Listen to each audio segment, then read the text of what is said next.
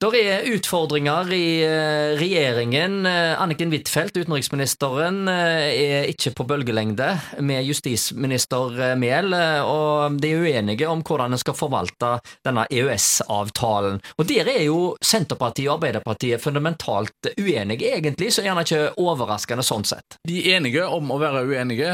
Når de inngikk denne avtalen om å danne regjering sammen, så det Hurdalplattformen. Ja, og da var det det de var enige om, det var at EU egentlig ikke skulle være For det første, det skulle ikke være noe særlig debatt om det da, men eh, så ser jeg det at det er likevel blitt en del eh, debatt om det. det er, altså, vi er jo en del av EØS, og noe av det som diskuteres, det er jo altså at eh, hvor mye penger skal den norske stat overføre til EU for oss å få adgang til markedet da. Vi overfører jo flere titalls milliarder kroner årlig, og det som vel har vært oppe i nyhetene nå de senere tid, eh, siste dagene, det er jo dette at, med, at justisminister Emilie Enger Mehl hun eh, mener da altså at en bør se med kritiske øyne på disse overføringene til eh, EU eh, da, for å få tilgang til markedet. Og Ja, men Hvis du spo- spoler tida litt tilbake her nå, så vil du se at uh, denne brexit-debatten i England starta på samme måten. Ja. Uh, det var det, disse voldsomme overføringene til EU som ble et stridstema. Ja, og det som er enda mer interessant, er å se at uh, den avtalen som hun, justisministeren mente bør, burde utsettes, at en burde se mer på det, det har jo da partilederen i Senterpartiet, han har altså gått med på den avtalen. Han har Mm. da eh, syntes den var helt grei, mens eh, hun da syns ikke den er grei da. Så her er det jo, vi kan se en splittelse innad faktisk i eh, Senterpartiet. Og Det er jo interessant. eh, da vil vi det, fordi det mange òg da snakker om, det er jo da altså at begynner Senterpartiet nå å lete etter en eh, mulighet til å komme seg ut av regjeringen. Eh, De er jo nede på et bunnivå.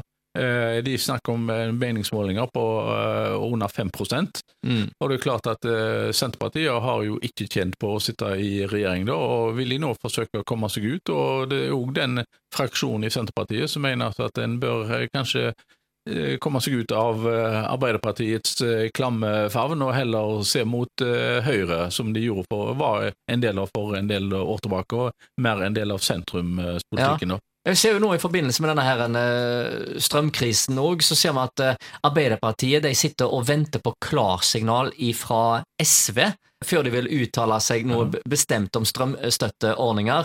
Det er veldig spesielt dette, for Senterpartiet må jo spise en del kameler her, fordi at eh, SV får veldig stor innflytelse på regjeringen. Ja, ja. De har spist mye kameler nå, at de eh, har jo fått eh, vondt i magen. Så Ja. eh, det er Men eh, det at SV har fått en så dominerende innvirkning på regjeringa, det irriterer jo Senterpartiet eh, enormt. Så, Ja, altså- men denne her konflikten som nå har dukka opp, eh, da, at det er da uenighet eh, mellom justisministeren og, og utenriksministeren, og det at eh, da at Vedum har eh, han, For han er det helt ok, dette her nå. Mm. Det, det forteller jo en det, egentlig at det, at det kan være strid eh, da i, innad i uh, Senterpartiet. Så Men, men det som òg skjedde her, vel, var vel at eh, når de to var uenige, eh, så gikk eh, altså Huitfeldt eh, til Støre eh, og klagde sin nød, og så eh, instruerte han mer eller mindre justisministeren til å klappe igjen og gjøre som hun fikk beskjed om.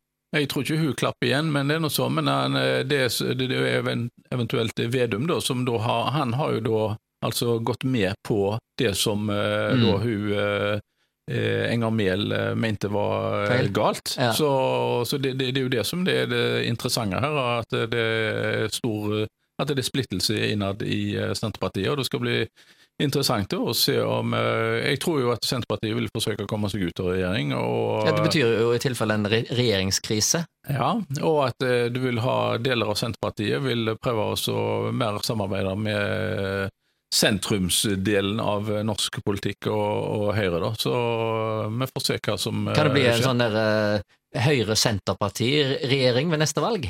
Ja, Det kan godt være. Det, det, de, de har jo ikke hatt noe suksess med den regjeringen som er nå, i alle fall. Altså, nå er de nede på under 5% på meningsmålinger, og de har ikke fått en helt stor gjennomslag, bortsett fra at de fikk til et godt eh, jordbruksoppgjør. da. Så eh, det, det meste har jo egentlig gått eh, galt, da, men de har jo vært uheldige, både med altså, den strømsituasjonen, høye oljepriser og økt matvarepriser.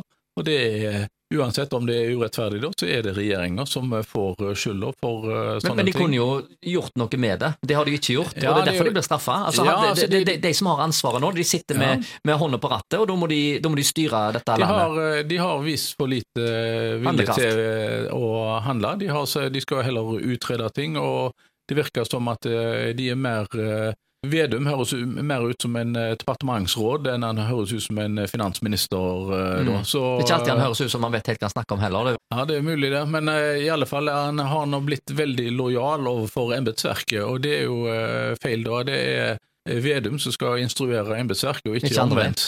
Så det, det er et stort problem, da. Så, men vi får se hvordan dette her går, da. Er, Følg med i neste episode. Følg med i neste episode.